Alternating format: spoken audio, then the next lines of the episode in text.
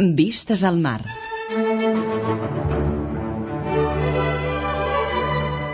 Vistes al mar. Una mirada als nostres músics.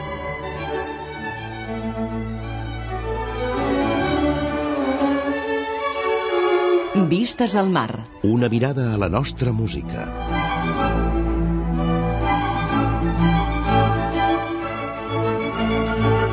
Vistes al mar. La música i els músics que han fet història al nostre país. Vistes al mar. Un programa realitzat i presentat per Xavier Xavarria. Bona nit i benvinguts a una nova edició de Vistes al Mar, el programa que Catalunya Música dedica a la música catalana, a la música i als músics que han fet història al nostre país, però també als protagonistes de la vida musical d'avui dia, els que la dinamitzen i treballen dia rere dia des d'àmbits molt diversos.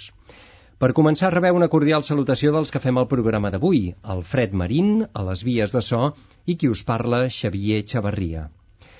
Abans de l'estiu vam dedicar una edició del nostre programa a la crítica musical. Vam convidar tres persones que havien exercit la crítica musical a casa nostra i van sorgir un munt de temes interessants i insòlids sobre aquesta activitat a mig camí entre la música i el periodisme, entre l'actualitat i el judici. Un ofici que té una difusió important, tribunes públiques, influència a través dels mitjans, un ofici que dona opinions sobre la música i sobre els músics, i que, per tant, té un poder inequívoc sobre l'opinió pública, sobre els aficionats a la música. Aquell programa va donar tant de sí i van quedar tantes coses al tinter que avui n'hem preparat una segona part per a tenir-ne més punts de vista, per posar a la palestra els que fan judici de la música i dels músics. Avui volem debatre sobre la crítica i els crítics musicals.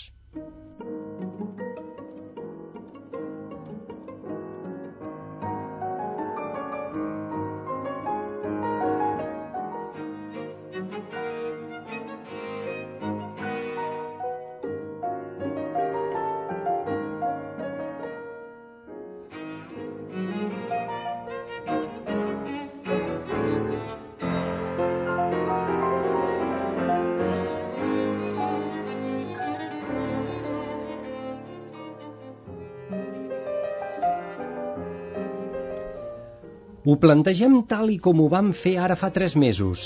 De què serveix la crítica musical? Quina funció ha de tenir la crítica? Què ha de tenir una bona crítica? I quina formació haurien de tenir els crítics? Perquè no hi ha estudis específics ni exàmens que atorguin títols de crítics en aquest país. Per altra banda, quin és l'estat de la crítica actual a casa nostra? És bona? Fa la funció que ha de fer?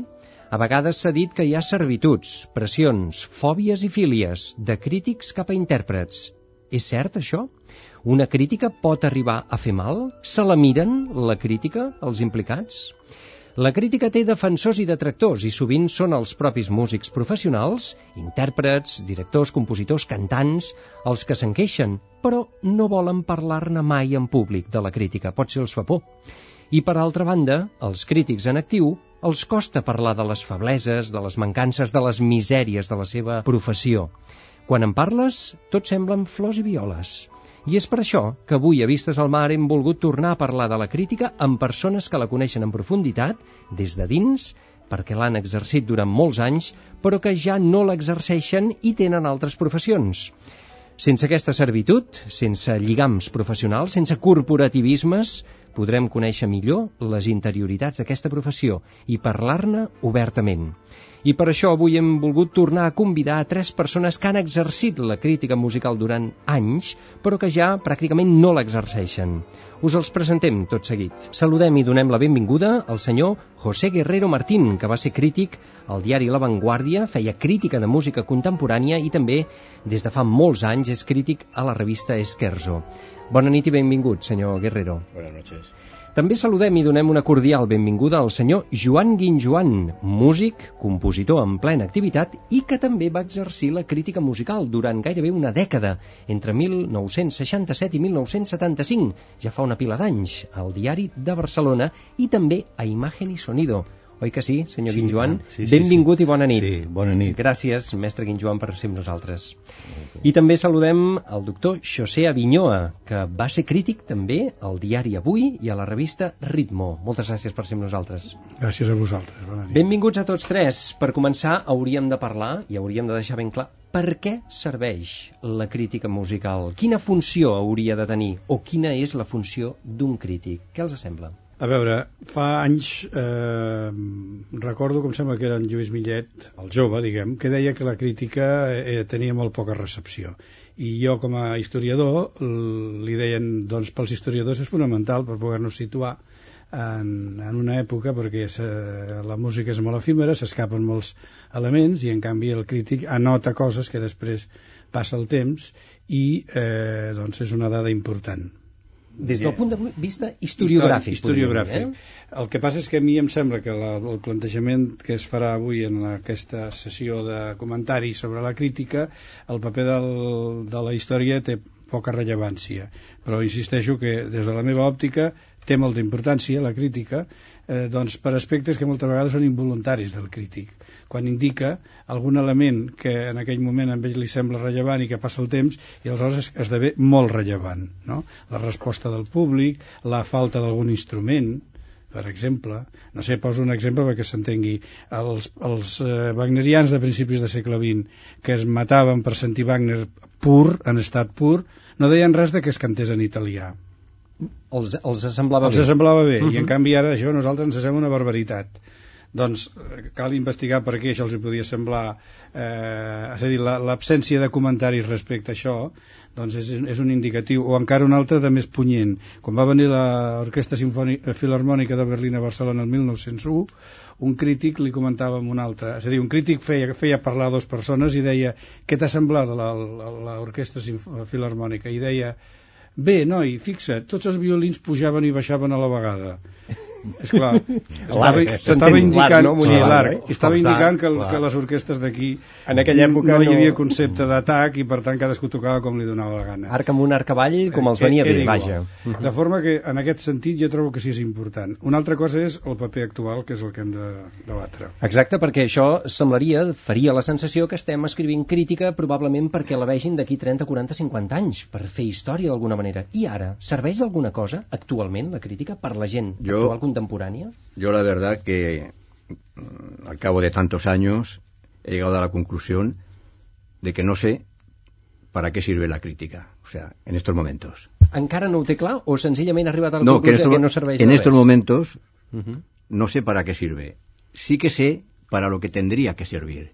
Yo creo que tendría que servir para ir moldeando, conformando el, el gusto musical de la gente. Claro, primero habría que hablar de que hay diferentes tipos de crítica musical. No es lo mismo la del diario, la de una revista más o menos general y la de una revista especializada o musicológica. Esto yo lo veo diferente, pero hablando del, de un diario de información general, uh -huh. pues yo creo que tendría que servir para aumentar el bagaje cultural de la gente y para ir conformando su, su gusto musical, uh -huh. fundamentalmente. Ahora, que en estos momentos, francamente, eh, a mí el panorama me parece bastante, bastante penoso en general. ¿Por los críticos o por...? Porque hay poca crítica y porque los medios de comunicación en general no, no dan cancha a la crítica porque no les importa. És a dir, no, és a dir, no per la qualitat de la crítica que es fa, sinó per la poca no, difusió que arriba a tenir o la poca importància es que la, dels mitjans. Es que la calidad de la crítica también iría en función de la exigencia de los medios de comunicación y de la presión que pueda hacer la gente que en petit comité pues todo el mundo te dice que es una vergüenza, que tendría que haber más, pero luego no se refleja en la presión sobre los medios para que se vean obligados a darle más cancha a la crítica musical, a la información musical en general ¿eh? y cultural. Uh -huh. eh, yo siempre digo que la, la, información cultural, desde mi experiencia de treinta y tantos años en un diario de importancia como La Vanguardia, ha ido a menos la información cultural en general. Dentro de la información general, la información musical y dentro de la información musical, la música contemporánea ya es el, el, la cola de todo, ¿no? Uh -huh. Entonces, bueno, esto habría que revertirlo totalmente, pero claro, ¿quién lo hace?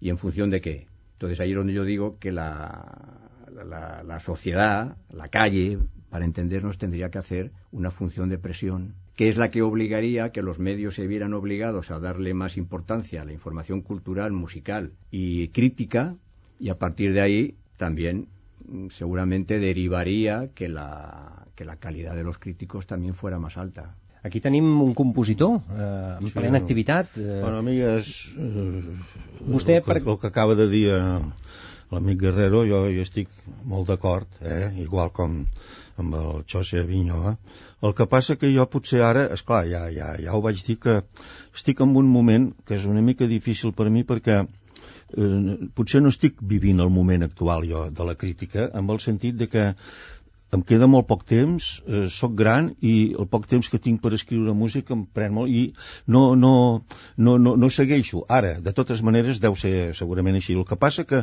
diuen, per què importa o no importa la crítica? Bueno, jo per l'experiència que, que he tingut, eh, la crítica s'ha criticat molt. Hi ha, hi ha gent que, que critiquen molt els, els crítics no? perquè, però és curiós perquè sempre quan hi ha un concert, hi ha una activitat què diuen els, què diu la crítica?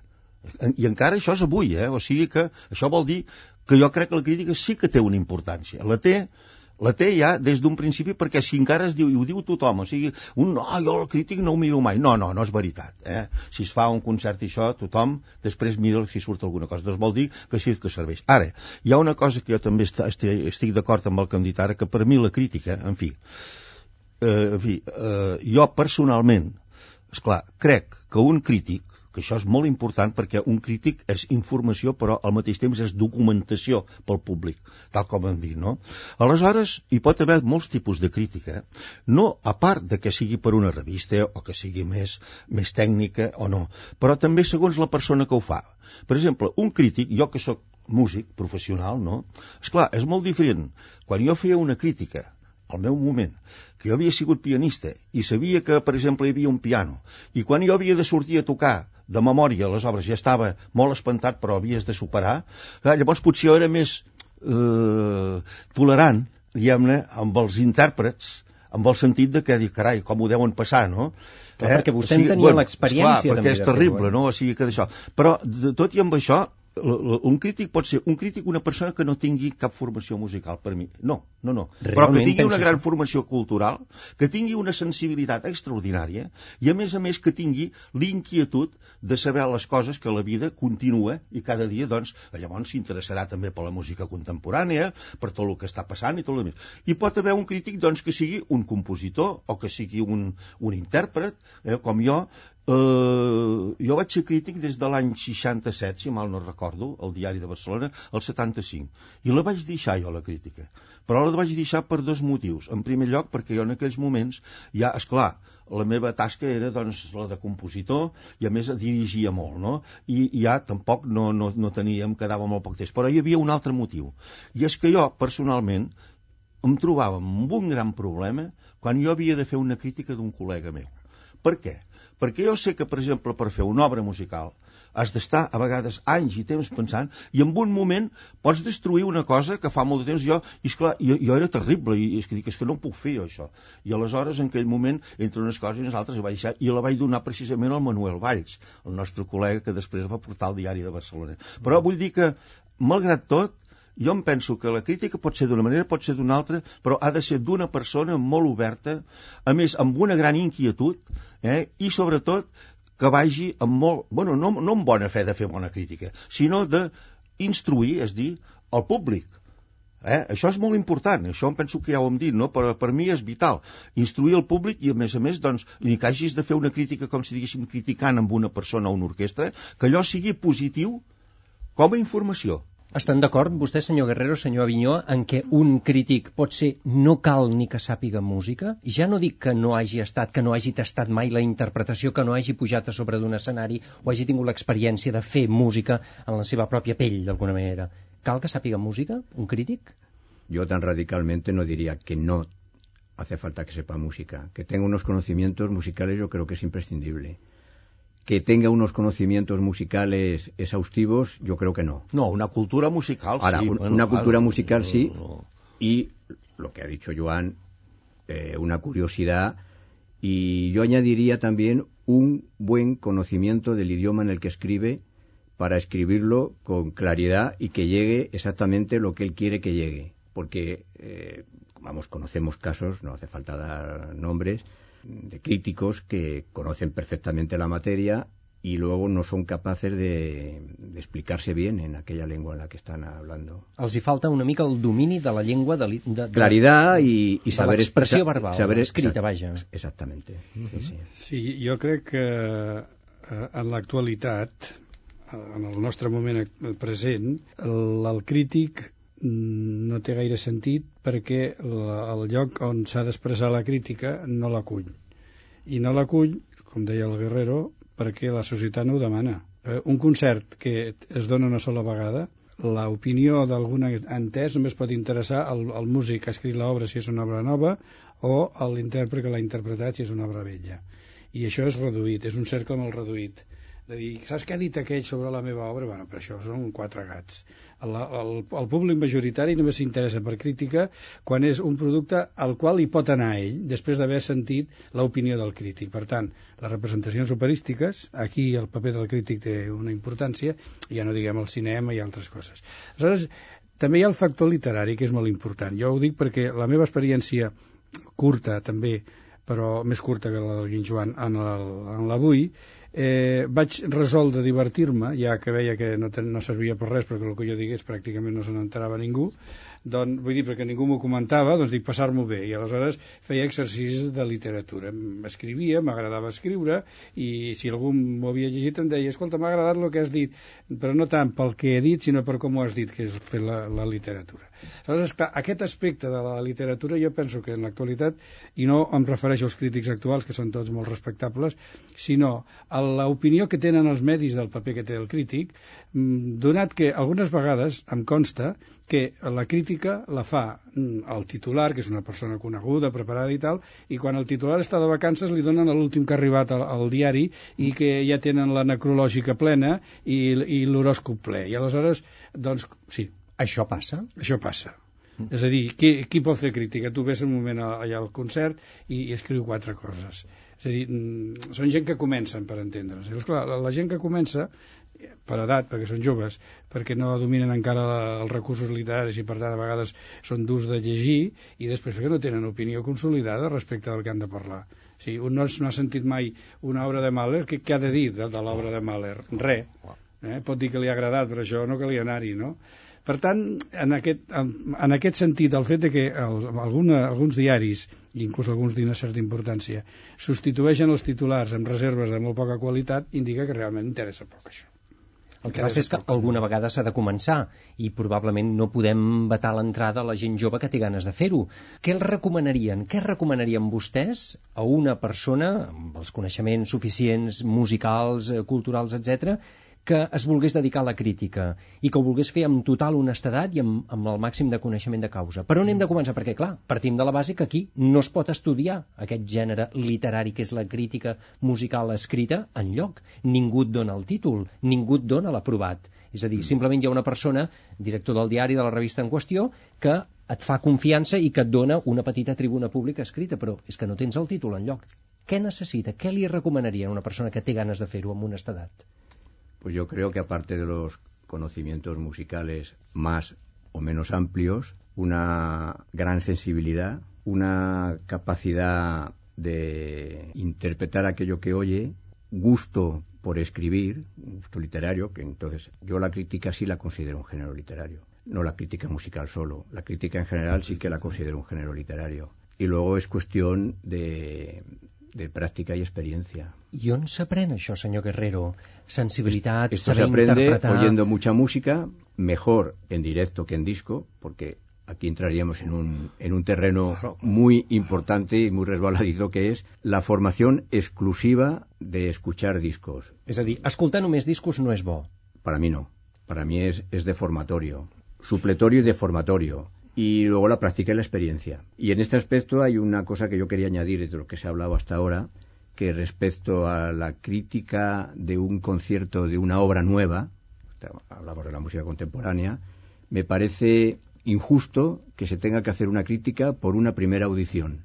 Eh, yo esto lo había planteado incluso en el diario y les pareció una barbaridad. Es decir, un señor que tiene que ir a hacer una crítica con sus conocimientos mu- musicales y con su conocimiento del compositor, pero no conoce aquella obra, a mí me parece muy arriesgado hacer la crítica sobre una primera audición.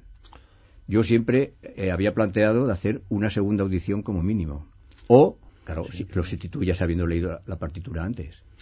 Porque es muy arriesgado me parece injusto incluso. És a dir, que el crític en qüestió només hagi escoltat una sola vegada aquella peça musical, es refereix Sí, a això? sí. És a dir, que mai hagi escoltat una obra musical Sí. i vagi allà i la tasti per primera vegada A mi- i sigui capaç d'escriure'n... A mí me parece arriesgado y puede ser injusto la opinión que se derive de una primera audición. Estamos hablando de música contemporánea, no de una obra de Beethoven que ya la conocemos todos, de 50.000 interpretaciones. A mí me parece arriesgado. Es un riesgo, es un riesgo naturalmente, pero no hay muchas opciones, ¿eh? Claro, Porque, claro, la alternativa es o que lo haces o que ya no lo haces. porque, Porque claro, se hace una vez. porque tendríamos veces- ya que pedir en primer lugar que la obra contemporánea, porque estaría muy bien para los compositores que se pudiera repetir otra vez. Claro. ¿eh? Claro. Yo, por ejemplo, pero eh, es, es, es un riesgo. Este riesgo, si uno se puede equivocar o no. Yo con esto puedo decir una cosa que me ha ocurrido personalmente a mí, hablar de una obra contemporánea, pero yo cuando estrené eh, mi concierto de música para violonchelo y orquesta en La Rochelle, vino Jacques Longchamp de Le Monde, en París, que era un crítico. Y bueno, y este señor, un crítico pues muy famoso, muy y habló de mi obra y dijo que la obra era muy generosa, que funcionaba todo muy bien, pero que lástima que terminara tan pronto, porque pues claro, se podía desarrollar más, tenía y es curioso, y, y yo que en casa, en nuestra casa, es- somos antinarcisistas y todo, y allí se dicen las cosas, Monique me dijo, John, tienes razón. Dice, este señor tiene razón. Digo, sí. Dice, sí. Dice, escúchalo porque... Y entonces yo me puse todo un verano a trabajar el concierto de cello y lo amplié cinco o seis minutos. Y es una de, de las obras de mi repertorio que yo quiero más. Es decir, es decir, este señor solo escuchó una vez. Pero en esta ocasión, a mí, yo comprendí, es decir, que las cosas es cuando ves una persona que además que tiene unos grandes conocimientos, pero que te dice algo que verdaderamente dices, hombre, esto es verdad. Y lo otro que lo pueda comprender, que tenga la humildad de decir, bueno, porque esto, nosotros cuando escribimos música, lo terrible es que tienes un montón de papel, pero hasta que oyes la obra, Claro. no tienes verdaderamente la sensación de todo lo que has escrito. ¿no? Siempre hay un 15% de sorpresa para los que intentamos siempre buscar algo, ¿no? Porque si no ya sabes cómo suena todo. No, yo lo digo en este aspecto. Es, es un riesgo, claro, es un riesgo lo que dice eh, Guerrero, o sea, yo, yo lo comprendo perfectamente, pero no tenemos eh, vamos, yo en aquella época no tenía, no, no, no- creo que esta, esta ocasión no se presenta mucho. Y también yo creo que es muy importante, por ejemplo, en mi época, que querían la crítica al mismo día, Mm. es muy distinto, no solamente las del liceo, sino otras también, es muy distinto de ir a, a- a la redacción después del concierto y hacer la crítica, que puedas pensar un poco y a la mañana siguiente la puedes hacer tranquilamente. Què és millor per vostè? Poder-la dormir, reposar una miqueta? Yo sí. Tens sí, una altra yo- perspectiva, Yo, en la probablement. época, yo sí? si mal no recuerdo, sufría mucho cuando tenía que hacer las óperas en el liceo, después corriendo por la rambla pues con el smoking, porque entonces, claro...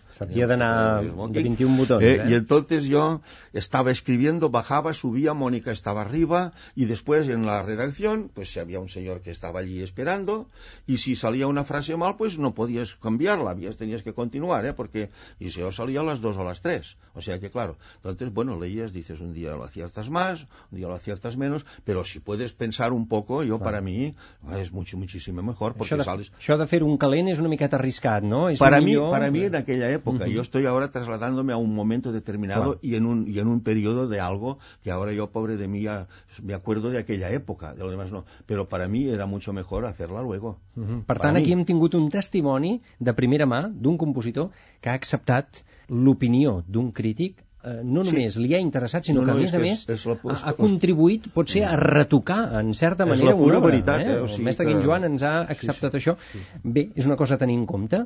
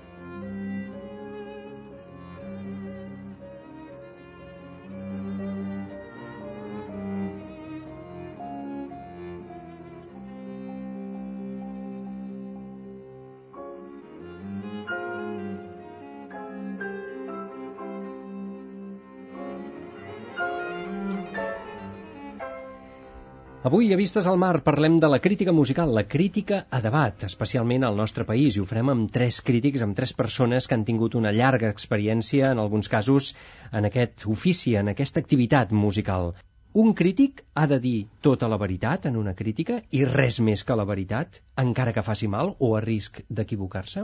Yo creo que en principio, como regla general, debería decir todo aquello que él siente que ha sido así y que, y es lo que le ha parecido a él. Ahora bien, puede haber excepciones en que cada uno con su manera de soslayar y de hacer leer entre líneas pueda estar justificado por diversas razones que no lo haga. Entonces, en este aspecto yo siempre me acuerdo de una cosa que decía Monsalvache, con el que hablé muchísimo sobre este aspecto de la crítica, que él solía decir que para ser crítico de verdad, de verdad, lo que sería casi como condición sine qua non es que no conociera a ninguno de los intérpretes ni de los directores, ni de, porque en cuanto hay una mínima eh, vinculación de amistad, se prostituye la, la crítica, quieras o no quieras. Dice, Inconscientment, involuntàriament, Porque te traiciona l'inconsciente. Però això és molt difícil, que un crític no conegui absolutament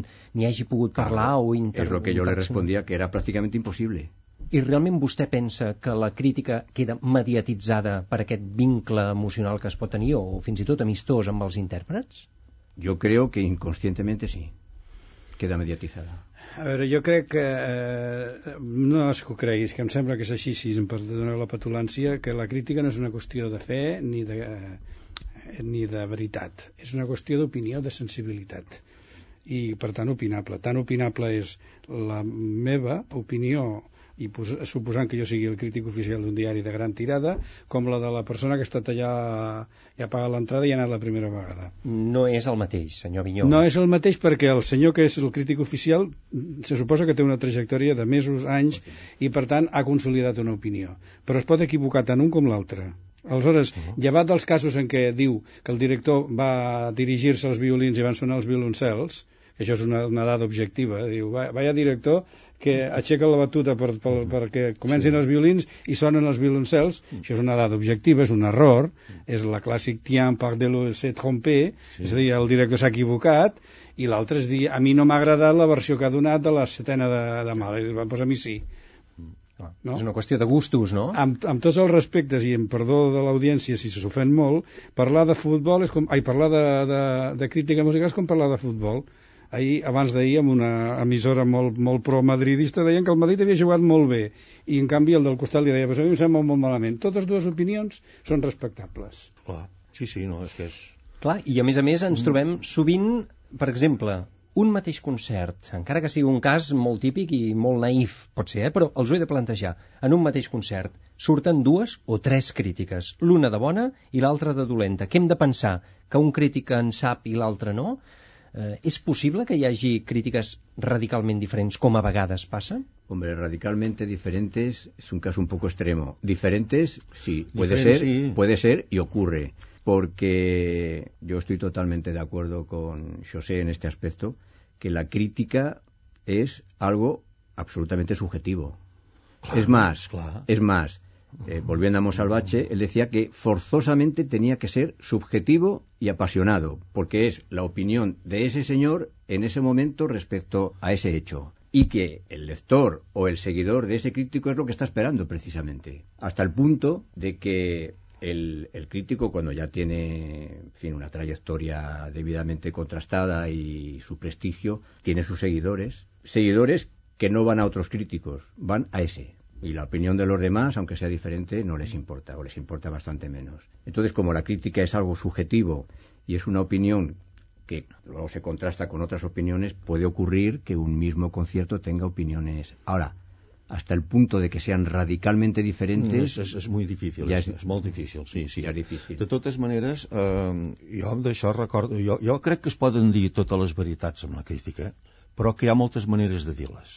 És que també segons com es diu, per exemple, jo tinc una anècdota, això em va passar una cosa, és una mica potser tonta, però amb un, amb una òpera al Liceu, que ja no me'n recordo, una cantant feia un d'això tenia un oscil·lat que allò semblava que, que fos un un vibrato sí, sí, bueno, jo li vaig posar, doncs, a pesar de que diu que tenia un vibrato muy exagerado, molt exagerat, no? I d'això, això. I llavors me truca l'endemà y digo, maestro Guinjoan, dice, yo soy la cantante, dice, aquí estamos todos sorprendidos, porque no sabemos qué quiere decir esta palabra de vibrato que usted ha dicho. Y claro, estamos buscando en el diccionario y no encontramos el concepto. Digo, y pro, ríense de mí, ¿eh? se burlaba de mí. Digo, pues mire usted, se lo voy a decir con toda sinceridad, es que usted tiene voz de cabra, ¿eh? i entonces, perdona, no lo he podido decir, ja sí, vaig, vaig penjar el telèfon. No? no ens pot dir el nom de la cantant en qüestió, mestre? Va, que això no, fa 30 no, anys ja. Juro que no sé Sí, se'n No se'n recorda. recorda. No, Bé, No, però sí que pot haver-hi crítiques eh, oposades per una qüestió que segurament sortirà o ja està implícita, i és el que aprofita la crítica per fer ajustes de cuentes, diguem, no? n'hi ha d'això? Home, tothom. Fílies i fòbies Home, als tothom, crítics? tothom, Clar, tothom. Podem pensar que un crític té, diguem-ne, uns favoritismes i que va favorablement predisposat Clar. a un concert o desfavorablement predisposat? Clar, a, a no ser que ens trobem amb el, amb el cas del, del, de l'Emilio, diguem, del Rousseau, de que és una persona que acaba de caure en, la, en el món de la música i, i no coneix res, aleshores és absolutament innocent. Però si no, és clar que tens una tradició i aleshores Esclar. aquella cantant tu la- l'has d'ensorrar perquè no t'agrada. Però això passa, Home, senyor que Vinyó, eh? passa. Que jo crec que sí que no passa. debe de pasar, No. pero ocurre. Y hay el crítico, estamos hablando en este caso musical, pero en otros aspectos también, hay críticos que están obsesionados con convertirse en el protagonista de la cuestión. Entonces el protagonista no es ni aquel pianista, ni aquel director, ni aquella orquesta, el protagonista es él. Y entonces, ¿cómo ser protagonista? Pues haciendo una crítica petardista, etcétera. Petardista. Esto también existe. Sí. Ens apuntem Y aquest el, epítet. y el y- y el ajuste de cuentas, evidentemente, Sí, existe. sí, sí, sí. Actualment encara, senyor Guerrero? Però és que no sé què és pitjor. No, no cal citar noms no sé ni què és eh, pitjor, però... Xavier, eh, si ser petardista o, o ser repartidor de premis, eh? Repartidor de premis? Home, A Sí, què es refereix, sí, això? Pues També. és que tothom, to, tothom ha quedat bé, tothom és fantàstic, Sí, aquell que esclar, anava clar. cogejant és que en realitat doncs, imitava un cos i el que És no cantava misma- bé és que era una cabreta i tothom Claro. queda bé. Sí, sí, sí. Es la misma versión en sentido contrario. Y luego también está el crítico que se erige en dirigente de una campaña. Es decir, hay que, hay que, que, eh, cargarse a tal director o hay que cargarse a tal intérprete. O tal. Esto también existe. Sí, sí, a mi esto me havia llegado, eh? A mi em va arribar Sí. que havien de t'has de carregar aquest, t'has de... A mi, a mi em havia... Sí, sí, sí, sí, A sí, vostè sí. li havien A mi demanat havien que demanat que em carregués. de, determinadament, o sigui, un, o una orquestra, o un conjunt... Per motius fos comercials? Per motius de competi- competència, pot ser, o? No, Motius comercial. diversos. Molts, molts diversos, això, No, molts, però molts no, no, diferents. això no ho acabem d'entendre. Per sí, quins sí, no, motius jo, es jo tampoc, no, no, jo, ganes de jo carregar-se tampoc, una em vaig, jo em vaig, director? em va, verdaderament vaig passar moments molt dolents, eh? o sigui, que inclús amenaçant-me a mi que si no em carregava d'això, doncs llavors que tirarien tota l'artilleria contra mi. Això és molt greu, senyor Guinjoan. Sí. És possible que això hagi Això passat en l'etapa que existeix. vostès van Això- Això exercir. existeix. Jo tinc un document que evidentment no puc fer públic en el qual un personatge, diguem neutre, del món de la música catalana m'amenaça amb actuar si jo no canvio la meva opinió respecte d'algú de relacionar amb la crítica. És a dir, no el mateix intèrpret, sinó alguna persona en qüestió li va demanar. Un, un amic íntim del, de l'intèrpret. Sí, però a veure, eh, segurament perquè estem parlant, pensant en Catalunya, i això va passar a Catalunya, i ens coneixem més, i sembla que això no és possible. Sí, si sí. pensem en Espanya, a Madrid s'afusellen, eh, els crítics. S'afusellen. Entre sí, sí, sí, ells? sí. Ent no, jo- van No, no, a fer no, campanyes van, a, sí. a carregar-se un director que ha imposat el Ministeri a, di a dirigir el Teatre Sí, sí, Real sí, i aquell però- senyor ens el carregarem i se'l carrega. Allí van... Per qüestions a- ideològiques, a- potser, no? El que sigui. Sí, por van a, varias. a tiro limpio, eh? o sigui que... Entonces, sí, sí. Claro, eh, en este caso hay el, el crítico que acepta este juego y el crítico que no lo acepta. Entonces, el que no lo acepta, pues lo puede pasar mal. Li ha passat alguna vegada alguna cosa semblant, senyor Guerrero, o li consta que hagi passat? A mí me ha pasado de Pressions o alguna mena de... presiones propiamente, insinuaciones. ¿eh? Bueno, que es una manera de presionar. Aquelles recomanacions, diguem-ne... De decirme, Sí, este, este intérprete o este director habría que ponerlo bien. Claro, esto de decir habría que ponerlo bien, si tú no lo has escuchado todavía, ya es una presión. Claro. Habría que ponerlo bien. ¿El por qué? Tú nunca lo sabes. Porque le interesa a la persona que te lo pide, no a ti. A ti no te interesa si ponerlo bien o no ponerlo bien. Tú vas, escuchas, haces la crítica honradamente como te ha parecido y ya está. Al que le interesa, por razones que no te manifiesta generalmente, es al que te lo pide. Habría que ponerle bien. ¿Y por qué? Pues no lo sabemos. Porque a él le interesa, porque luego va a recibir los premios él o las recompensas, o por, mm, porque le debe un favor, no, nunca se sabe. Sí, sí. No, però Per tant- això que jo he dit està documentat, és a dir, jo no és una, una pressió així entre bambalines, és una carta signada, eh? Una carta signada. Signada, que a més a més quina petulància la persona que la va fer sí. i quin sentit de, que, de, Sí. de, de patent d'acords, de dir, jo aquí puc escriure-ho, això. I això ha passat mm, recentment, això ha passat, no, anys, recentment diguéssim, no, eh? fa Potser 15 un- anys. Fa 15 anys. Però el document és molt bonic. un intèrpret, per exemple, un duo de, que van tocar al Col·legi d'Advocats, perquè a l'època es feien concerts al Col·legi d'Advocats, era un eh, violoncel·lista i un, pian i, un, i un pianista. I no tocaven bé, verdaderament no eren, eren bastant deficients. I jo, doncs, amb la meva manera de ser, que jo mai, sí, sí, era bastant moderat i això, però ho vaig posar. Però amb molt bona fe i molt d'això. I arribo al diari i el, i el director em crida i em diu, escolta, en Joan, diu, miri, diu, hem rebut aquest telegrama d'aquests senyors dient que si jo no rectifico en 24 hores la crítica, ho direm al Pau Casals. Llavors el Pau Casals estava a Prades i devien pensar com que el Pau Casals és part d'un gènit, és un senyor que tothom s'anava a fotografiar amb ell, no? I diu, què fem? Diu, res, escolti, vostè molt tranquil, el Pau Casals, que, que ho diguin el Pau Casals o qui vulguin. És a dir, en aquest cas, quina tonteria. el és, director no? el va defensar, vostè, va defensar oh, l'honestedat clar, no, de la no, seva- és que jo amb això sí que mai de la vida, ni inclús quan me van, mai vaig transigir, si no jo ho haguera dit, és que no pot ser. Déu-n'hi-do. Això, això- Clar, tot això, totes aquestes anècdotes i aquestes coses que ens expliquen vostès ens fan pensar que sí que és important la crítica, perquè a veure, si no ho fos, no hi hauria aquestes pressions, Sí, no? No hi hauria fins i tot aquests interessos i aquests afusellaments És que estem dèiem. parlant del medi, eh? Estem parlant del medi en el qual es belluga, a- no del públic en general. El públic no s'entera d'això. Mhm. Hi ha, No, més, no, hi ha més públic, documents, exacte. ja que veig que això ha cridat l'atenció, hi ha més documents, sense dir noms tampoc, eh, compositors que pressionen a altres compositors perquè programin les seves obres per escrit.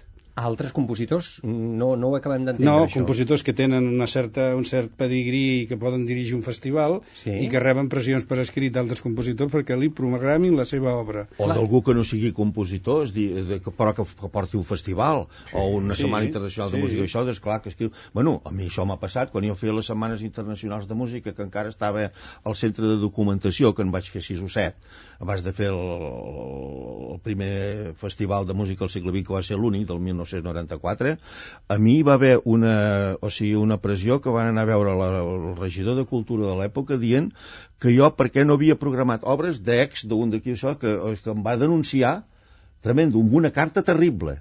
Jo aquesta carta ja no sé si la tinc, la té un altre col·lega meu perquè, perquè un que li agrada molt col·leccionar cartes d'aquestes, però jo no... D'això sí, o sigui que... Yo, yo, yo si puedo añadir Sí, sí, endavant. una anécdota más, vamos, ya Sí, que, sí, ya, que, ya que estamos en este tema. A mí me explicó una vez Mosalvache, cuando era el crítico que tenía más poder en Barcelona desde su atalaya de la vanguardia. Esto es indudable. I des de Destino, també, als anys Y- 50, y estem Destino parlant? también. Y la época en que coincidió Destino con la vanguardia, que fueron unos años, el poder era indiscutible. Llegó un intérprete a Barcelona, creo que era pianista, y le dijeron, antes de ocurrir la actuación, bueno, va a llegar fulanito o fulanita, ahora no me acuerdo bien, si no haces la crítica favorable, atente a las consecuencias. Y entonces no fue, se puso enfermo. Esto me lo contó él. Déu-n'hi-do. No, jo el, el pitjor que m'ha passat, diguem-ne, aquells anys de crítica, vaig aprendre molt, me van servir de molt, jo n'estic molt content d'haver fet, i a més, precisament amb el món salvatge es trobàvem quan anàvem als festivals de Toledo, Granada i tot això, no? Però mm, més trist, eh, hi va haver una cosa que va ser molt violenta per mi, perquè jo llavors ja, ja composava bastant, no? és que una obra determinada, d'un personatge determinat, i perquè, a més a més, doncs, és clar, no, era intocable, sempre quan feien aquesta obra jo havia de fer una crítica i no el podia deixar malament. És terrible, això. I em vaig haver de fer set vegades, o sis, me'n recordo, de la mateixa obra, eh? I això, jo ara miro les crítiques de la manera que me'n vaig sortir, perquè, és clar llavors el que treia jo que me sortia del compositor i me posava, doncs, amb uns altres termes d'aquell personatge i me fixava en una altra cosa, però no parlar d'allò, perquè per mi és que, bueno, jo tenia una, una revolta dins de mi mateix, que era terrible, i esclar, perquè si no em treien... Jo, jo sortia del diari. quedava eh, sense o sigui feina, que- directament. Costa de creure que això hagi passat, però encara costa creure més que passi actualment, això. Mm, No sé fins a quin punt. Home, si, si ens abstraiem de Barcelona, perquè aleshores tots pensarem en els noms que coneixem, Exacte. que evidentment estan lliures de, de, de culpa, segur, de, i ens mirem a nivell estatal, doncs sí, sí, sí, això va així. És més, en els mentideros, entre cometes, madrilenys, atenen a, a honor dir, amb aquell tio el vam tombar i aquell altre no durarà Sí, gaire. s'apunten com Ah, a la sí. culata de la pistola, com volem dir, aquest ens l'hem sí, sí, carregat i en sí. aquell altre també. Home, sí, sí. sí Això, sí. si més no, a Madrid passa. A Madrid les- passa, i posen i treuen rei, això s'ho creuen almenys.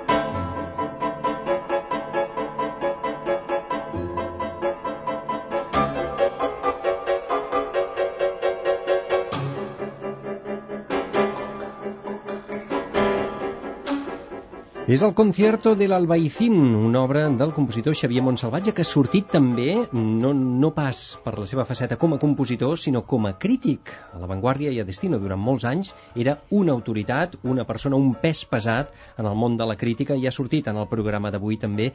No sé si realment a vostès els consta, ho dic ja entre cometes i amb tota la ironia que calgui, aquesta anècdota que corre, eh, que bé, Montsalvatge en certa ocasió va arribar a publicar una, una crítica d'un concert que, a la qual evidentment no hi havia assistit perquè aquell concert es va anul·lar i la crítica va acabar sortint. Això els consta? Esto forma parte de las leyendas urbanas que yo exactamente no sé si, si fue así o no fue así. Yo personalmente se lo pregunté, porque yo he estado trabajando en una biografía de Monsalvache que ha acabado, y yo se lo pregunté. Él me lo negó, me negó que no fue así. Y me añadió que en una cierta acusación, porque se le acusó más de una vez, de que había hecho crítica de conciertos que no habían existido o de parte de concierto que no había sido así, ¿no? Porque habían sustituido al intérprete y él no se había enterado, etcétera. Que puede ocurrir perfectamente, ¿eh? Home, En- a veure, puede ocurrir, si, però... si no es va al concert. Clar, Claro, Ah, puede, claro. puede- puede ocurrir si no te informas, quiero decir. Bueno, entonces él me llegó a decir que en una de las acusaciones incluso interpuso demanda vía judicial, hizo las demostraciones pertinentes, eh, aportó la documentación pertinente y los testigos pertinentes de que él había estado allí. Lo que pasa, en ese caso concreto me refiero, ¿eh? que no había estado en su famosa fila del extremo de la fila de arriba del Palau, La fila U sino que había estado en un sofá donde se echaba unas cabezaditas normalmente cuando no se encontraba cuando no se encontraba muy bien un sofá que le ponían en la parte de fuera de- del piso pero que él había estado y que Bueno, en qualsevol cas, això fa, fa referència al seu prestigi com a primer crític eh, del moment i que, per tant, si hagués sigut un, un segon o un tercer Sí, fila claro, no hagués clar, passat res. claro. Però jo recordo haver estat assegut al seu costat i a l'estona que, que trigava abans de començar el concert, ella anar escrivint i Sí. tenia el text escrit abans de començar. És a dir que, Sí, bueno, sí. perquè ja, ja preveia com aniria la cosa, no? sí sí Però això no, no desmereix, eh? perquè el paper del Montsalvatge, que jo crec que en la seva biografia ha de pesar molt, això que has dit tu, de, del crític més important d'una època concreta, doncs és clar, si és un senyor que tenia l'autoritat que tenia el Montsalvatge, doncs això influeix en el seu, la seva projecció social. Claro. Però això no és el paper del crític, perquè el Montsalvatge era una excepció, com és l'Enrique Franco o com ho és el- l'actual del, del periòdic del país, el Vela del Campo, són gent fora de sèrie perquè estan tot el dia movent-se en aquest àmbit. Però la crítica és molta més gent. Oh, esclar. Abans el mestre Quim Joan ens ha portat una, ha tingut la gentilesa de portar-nos una fotografia Sí. on hi ha com una mena de, allò que en diríem la plana major de la crítica dels anys, què devia ser això, Sí. mestre? Dels 60, pot ser? Vostè hi és, aquí la Sí, tenim això no, és el, el el 68 o el, 60, el 70. Uh -huh. Veiem a Montsalvatge també, sí, sí, veiem sí, sí, esclar, hi havia, en Casanovas, clar, en Franco, en Colomer, sí, també veiem a, en Joan Guinjoan, en Valera, etc. I l'Oriol Martorell, que es veu al darrere, al darrere aquí. Efectivament. La crítica d'aquells anys, eh, Jo senyor sí- Guinjoan... Això sí que puc dir alguna cosa eh, que m'agradaria... Eh, ja estic portat documentació aquí perquè vegessin el que es podia fer. Ara, ja dic, jo no conec en aquests moments com està tot aquest tema de la crítica perquè no, no, No la no, ho estic vivint, no, no, no, no, Però no ho aleshores- estic seguint. Doncs això, però aleshores era eh, verdaderament tremendo. Eh? I a més, quan hem parlat del que hauria de fer un crític, jo explico el que en aquell moment em demanaven a mi d'això. Cada dia, cada dia jo anava a la tarda a la redacció del Diari de Barcelona i feia totes les gacetilles, és a dir, tots els programes que s'enviaven de concerts que es feien, jo posava la informació i sortia gratuïta la informació d'aquells concerts. Prèvia. Una, Previ. una, No, una... no, no, sí, es farà tal cosa, tal cosa, tal altra. Sí, això, jo era diari, eh? O sigui que diari, jo anava, o sigui, no... I després, els concerts, pràcticament, entre el Liceu, l'òpera, el ballet i després els concerts, pràcticament era cada dia, eh? O sigui que era quasi cada dia. Jo només em recordo d'algun cap de setmana que jo me'n podia anar a Vilanova i llavors aprofitava per composar i això, però és que... I les crítiques, a més a més, al moment, o sigui, els primers anys en què vaig jo ja... Això, verdaderament, era una, una dedicació molt gran, eh, de, amb la crítica. O sigui que jo cada tarda sabia que a partir de les 5 de la tarda ja m'havia d'anar al diari, i, però llavors també teníem compensació, moltes coses, perquè això no es pot veure, però jo, per exemple, feia coses com les 6 o 7 pàgines sobre Beethoven que em publicaven, I això, eh, aquí El veiem Diari de doncs, Barcelona, una de fotocòpia de d'un article del Diari de Això Barcelona. al diari de Barcelona l'any 72, del bicentenari de Beethoven. sobre Mira, Beethoven, tot eh? això sobre Beethoven, Mhm. tot. I després, per exemple, los encuentros de Pamplona, doncs, tota una pàgina sobre los encuentros de Pamplona, eh? a l'any 72. Després, la gira que vaig fer per Estats Units el 75, me van publicar 8 pàgines al diari de Barcelona sobre, doncs, a Washington, a, amb el sovint meta llavors doncs, a Los Angeles, que hi vaig anar, vaig anar a diversos llocs. Clar, això és una cosa que verdaderament existeix, ha existit. I era, era realment interessantíssim i era un luxe. Home, i tant, i Però tant. això, estem pensant que això ara és impensable, no, Sí, Mosalvache? Mosalvache tenía una página entera de arriba abajo cada semana Claro. eh, durante Claro. años durante años, además de las críticas diarias que salían de conciertos y de ópera, etcétera. Y esto era, era semanal. Vostès segueixen, el mestre Guinjoan ens ha, ens ha confessat que ara mateix no està massa connectat amb la, amb la actualitat de la crítica musical, però vostès segur que la deuen seguir. Què els sembla eh, actualment? L'espai s'ha reduït, hi ha diaris fins i tot que han eliminat la crítica musical, no hi ha precrítica, no hi ha una informació que vagi més enllà del pur i dur anunci publicitari d'un concert determinat perquè interessa. Eh, com, com, Yo en este quin aspecto, estat consideren que... yo que en este crítica? aspecto el, el panorama lo veo bastante lamentable y ha empeorado respecto a, a ciertos años atrás. Eh, yo, por ejemplo, hubo una época que yo siempre he dicho que era la época de oro de la información musical en Barcelona cuando en la vanguardia era director Paco Noy, que os acordaréis, que es los cinco o seis años que yo más he trabajado en mi vida en información musical.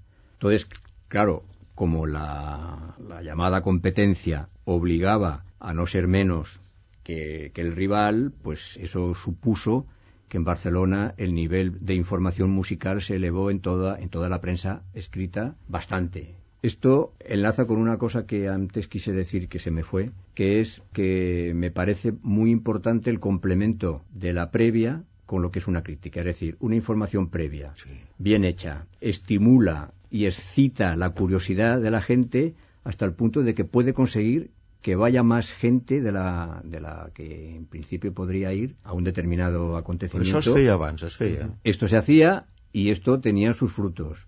A mí esto me parecía absolutamente fundamental y complemento necesario de la crítica. Un incentiu perquè la gent assistís als concerts, eh? Evi- evidentemente, que ahí puedes dar las claves, puedes dar inf- información que la gente no conocía, que es la, es la misión del informador. Y luego la crítica que no quede descolgada respecto al, al acontecimiento, porque claro, una crítica, que es lo que ha ido sucediendo, salir a los 10 o 12 días no tiene ningún efecto. No, no. Esto eh, es lamentable. Entonces, todo esto se ha ido deteriorando y en estos momentos información musical hay poca y crítica hay poca.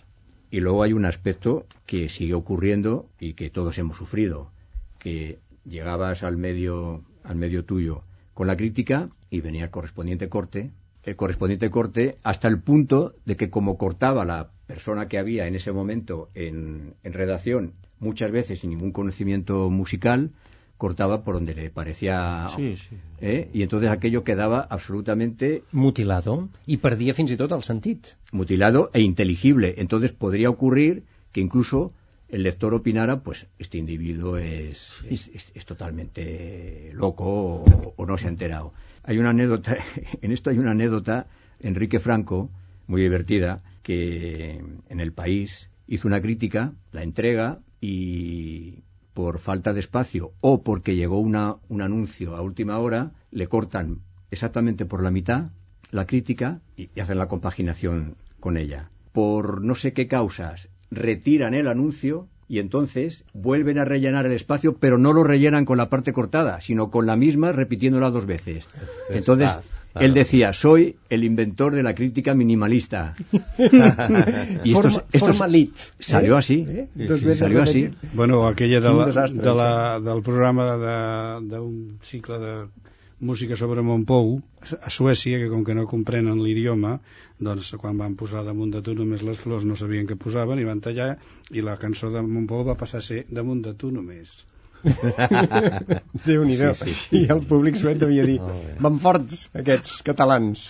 Déu-n'hi-do, quines anècdotes Esto en, estem... re- esto en realidad no es nada más que una falta absoluta de respeto con el señor que escribe la crítica y, y con el lector. Però això parla molt malament dels responsables dels diaris, ja no només de la secció de cultura o espectacles, sinó també dels propis directors. És a dir, eh, això els responsables són les persones que manen dintre dels diaris, que no atenen o els importa Es molt que en el poc. fondo, en el fondo a los medios de comunicación les importa bastante poco la, la información musical, cultural en general y la musical. Y, y de ahí se deriva todo lo demás. Porque yo creo, aunque yo estoy apartado así hace ya un tiempo de la cosa diaria, pero yo creo que sigue existiendo. El señor que llega con su crítica y le pegan unos cortes tremendos que le dejan sin sentido y que puede luego pues mm, hacerle parecer al lector que aquel señor no, no tiene ni idea o, que no sabe escribir o que, o que se ha vuelto loco de repente, ¿no? Sí, sí, sí. Claro, esto es una falta de respeto total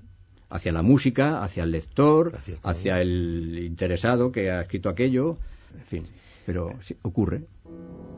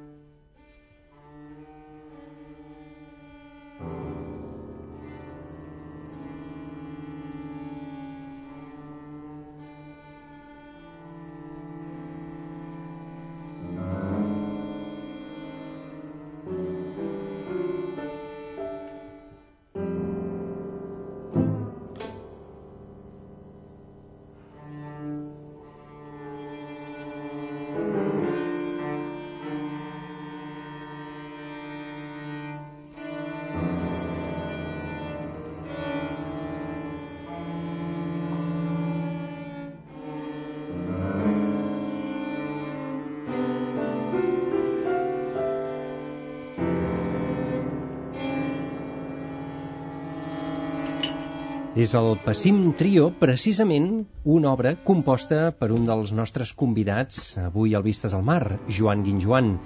Mestre, això serà interpretat en un d'aquests concerts que, que sí. li estan dedicant en aquest cicle sí. Sí. Festival de Música Contemporània a la Pedrera. Sí. Recordem-ho, des del 15 d'octubre passat i fins a finals de novembre, cada dimecres a les 8 del vespre, un concert a la Pedrera on hi sonen obres seves. I li pregunto directament, li fa il·lusió que vinguin crítics en aquests concerts a parlar de les seves obres i de les seves per què no? composicions? Sí, és clar, és clar. Sí, bueno, i si en volen parlar bé i si no, doncs no, no, vull dir... Però sí, que vingui un crític doncs, és clar, normalment eh, sempre estimula amb el sentit de que és música contemporània no? I a part de, i tampoc es trobem en gaires oportunitats que d'això, però si ve un crític jo encantat, vull dir que, i que posi, que prengui l'opinió que, que, que l'opinió que vulgui o sigui que, I que parlem de música contemporània, que és probablement eh, el tipus de música, el gènere de música que costa més a vegades de difondre i que Bueno, que- és molt més meritori encara que se'n parli, Aquest no? cicle, a pesar de tot, eh, el fet de dedicar-me al cicle millor vaig poder escollir algunes obres, diguem-ne, tradicionals, però que a mi han repercutit molt, com el Pierre Roliner, com el quartet per la fi del temps, del Messiaen, com el sisè quartet de Bartók, Totes aquestes o obres sonaran, de, Bar eh, de, de aquests- Rebel. Sí, sí, sonaran al costat de, de l'Eliot Carter, al costat d'altres compositors, Mhm. i hi ha dos concerts monogràfics meus, sí, però hi ha altres... I després hi ha el quartet d'Iotima, que em fa el meu quartet de corda, però hi ha moltes obres... Sí, sí, sí, o sigui que jo aquí i s'han pogut escollir, jo crec que perquè jo em vaig basar en aquest aspecte amb un que sempre amb el Diabolus i Música amb el grup ho fèiem, i és dir que quan fèiem un concert fèiem per exemple una primera part la història del soldat de Stravinsky o alguna obra de Bartók o alguna obra de, de Schoenberg o això, d'una- d'una- unes obres molt estables i després fèiem els estrenos de música contemporània. I això sempre et pagava molt bona moneda perquè almenys sabíem ja que hi havia una estabilitat eh? i una categoria i una d'això amb unes, amb unes obres que... Obres i, consagrades i, i, a més i poc obres conegudes noves. perquè tampoc, tampoc la gent les escolta molt no? o sigui que Senyor Guerrero Martín, ha de ser un- compromís haver de parlar de composició contemporània amb el compositor al costat, assegut al costat de vostè en un concert com vostè ha fet. Vostè ha estat crític de música contemporània. I, a més a més, no deixem d'erigir-nos en jutges d'una obra d'art que vés a saber si passarà a la història o no. Ha de ser un compromís, ¿no? Vostè que ho ha tastat. Sí, sí, lo que pasa es que yo no, no veo la crítica como algo tan, tan sacralizado y tan... En esto estoy de acuerdo con José. Más bien lo veo como, como informativo, exponiendo la opinión evidentemente, pero no sacralizando la, la, la crítica hasta ese punto. Y mucho menos ni considerándola de que te tienes que cargar a alguien o que tienes que darle jabón a nadie. No, es una cosa normal. eh, Amb honestedat i amb honradesa, pen- dir el que es pensa. Exactamente. Senyor Vinyoa, què opina sobre Jo eh, voldria fer una petita anècdota que em va semblar sempre molt divertida, enllaçant la major que s'ha dit abans de que hi ha moltes maneres de dir les coses. Es pot dir que, que aquell pianista acabarà sent molt bo i estàs dient que és dolent, eh? o al contrari, dir que, que es creu que és molt important però en canvi la pífia. I recordo una anècdota que explicava l'Oriol Martorell que és la síntesi de la crítica minimalista i que estava molt bé, que deia ahir es va estrenar al Palau de la Música l'obra de Josep Cortadellas, punt. Per què? I aquí s'acabava la crítica. Sí. Per què? Es preguntava per què es va haver d'estrenar això. clar. Però això és molt dur, eh? És molt Mucho, dur. mucho. M'imagino un... Mucho, Això, és- això va passar en realitat? No, no, no. Ah, no, no, és una, diguem-ne, una elucubració, Sí, no? Clar, una hipòtesi. clar, perquè això que deia el, el, el José, jo recordo una vegada un compositor dels, dels de la colla, diguem, dels, dels que ja tenen una solidesa, que va fer una obra que a mi em va agradar molt i li vaig dir, dic, eh, m'ha agradat molt la teva obra i, i em va contestar, m'ho diu molta gent, vol dir que estic equivocat. Déu-n'hi-do. Déu-n'hi-do. Actualment, la crítica actual, sense citar noms, i aproximadament, eh, per parlar d'una manera genèrica, quin percentatge de crítics tenen la solidesa i la solvència suficient per fer crítica i quin percentatge d'intrusisme i d'advenedizos podríem trobar en, aquesta, en aquest món? Yo creo que el problema es más, más profundo. Yo creo que el problema es que partiendo de la base, por lo menos de la que parto yo, de que los medios de comunicación ya no son independientes, teniendo en cuenta que la independencia absoluta siempre será imposible porque hay todas las mediatizaciones que uno quiera, empezando por las propias, pero teniendo en cuenta que los medios de comunicación ya no son independientes, el individuo, sea informador o sea crítico, que lo quiera ser, lo tiene dificilísimo, dificilísimo. Eso por una parte. Y luego, por otra, yo creo que habría que plantearse un replanteamiento de los medios de comunicación respecto a las parcelas culturales. Yo lo veo muy, muy difícil que esto ocurra porque no dan, excepto el cine, que ya veremos, no dan dinero. Entonces, hoy día lo que no da dinero, lo que no da una rentabilidad económica, sobre todo inmediata, aquello no interesa. En consecuencia, eh, la música es una de las víctimas dentro de la cultura y lo que decíamos antes, dentro de la música, pues la música contemporánea todavía más. Es un panorama que de momento lo veo difícil de, de corregir. I fins i tot s'ha m'acut pensar que pot ser eh, els, els primers que es queixarien si desaparegués definitivament la crítica musical eh, serien els propis músics, perquè no deixa de ser una petita plataforma de difusió i de promoció de la seva música, tant siguin compositors com intèrprets, no? Desapareixen del mapa, la història els esborra absolutament. Si no hi ha crítica, allò no passa a la història i és com si no hagués passat. No va per aquí la cosa? Una mica, sí. És eh, retornant Sí, sí, sí. i tornant una miqueta Claro, a la claro. primera intervenció que ha fet el nostre convidat Claro, d'avui, en claro. José Avinyoa. És a dir, també hi ha un valor historiogràfic Mm. de la crítica, no? Esclar. És un testimoni de l'època d'un fet cultural que Claro. va passar en una època determinada. Si això desapareix, desapareix de la història. Sí, però el que diu el, el Josep, el Pepe Guerrero, sí és cert, eh, que la impressió és de, de molt pessimisme perquè els crítics fan el que poden. Clar. En aquests moments, jo que ja que ho preguntava, eh, la crítica és, de les primeres plomes, molt bona, però és que fan el que poden. Quantes vegades un té la impressió que aquella persona està fent omplint un espai petit eh, A correcuita. que corre cuita i malament perquè, perquè no ho pot fer bé i que en canvi voldria fer bé I no pot dir tot el que No. voldria dir o el que caldria com que no dona diners, pues, tampoc esperis que, la, que els diaris es gastin els diners. Mm. Els, diaris, els, diners, els diaris es gasten els diners en el futbol. I com que només hi ha futbol els dilluns, perquè el dimarts ja un ja no se'n recorda, aleshores comencen les prèvies del dissabte, que si aquest s'ha barallat amb aquell, que si no sé què. I això és el que interessa, i, i, i, i traiem-nos-ho del cap, la música no interessa. Sí. Déu-n'hi-do, quina visió, eh? Por desgracia, El rock sí. Por desgracia, va. yo creo que, que se podría resumir diciendo que aquello que no tiene reflejo en los medios de comunicación no existe, lo cual es terrible, es terrorífico. Por lo tanto, volviendo a que la crítica, pese a todo lo que se ha dicho, es necesaria, porque no es no deja de ser una manera de reflejar que aquello ha existido, por lo menos hay una constancia, algo es algo. Esclar. déu nhi quin retrat més interessant que hem viscut avui amb aquest col·loqui, amb aquesta taula rodona, podríem dir, aquesta conversa que hem mantingut amb els nostres tres convidats sobre la crítica musical, l'estat actual de la crítica, la funcionalitat de la crítica i per entendre una miqueta millor tot aquest ofici que, déu nhi ja veieu que no, no està exempt de dificultats. Hem compartit aquesta estona vistes al mar amb tres convidats, jo m'atreviria a dir, de luxe, a qui agraïm moltíssim la seva presència aquí. Joan Guinjoan, moltíssimes gràcies per ser amb nosaltres i molta sort amb tots aquests concerts i amb tots els projectes que tinc entre mans. Moltes gràcies. I fins a un altre. Doctor José Avinyó, moltíssimes gràcies per ser amb nosaltres també. Gràcies, gràcies per José. Guerrero Martín, gràcies per haver vingut i Gracias molta a sort. Amics, moltes gràcies també a tots vosaltres per la vostra atenció i la vostra fidelitat. Això és Vistes al Mar. Hem estat amb vosaltres Alfred Marín a les vies de so i qui us parla Xavier Xavarria. I tornarem divendres que ve al vespre, com sempre, en una nova edició de Vistes al Mar, aquí, a la sintonia de Catalunya Música. A reveure. Vistes al mar.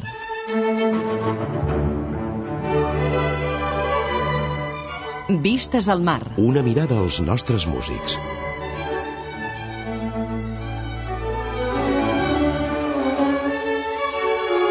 Vistes al mar. Una mirada a la nostra música.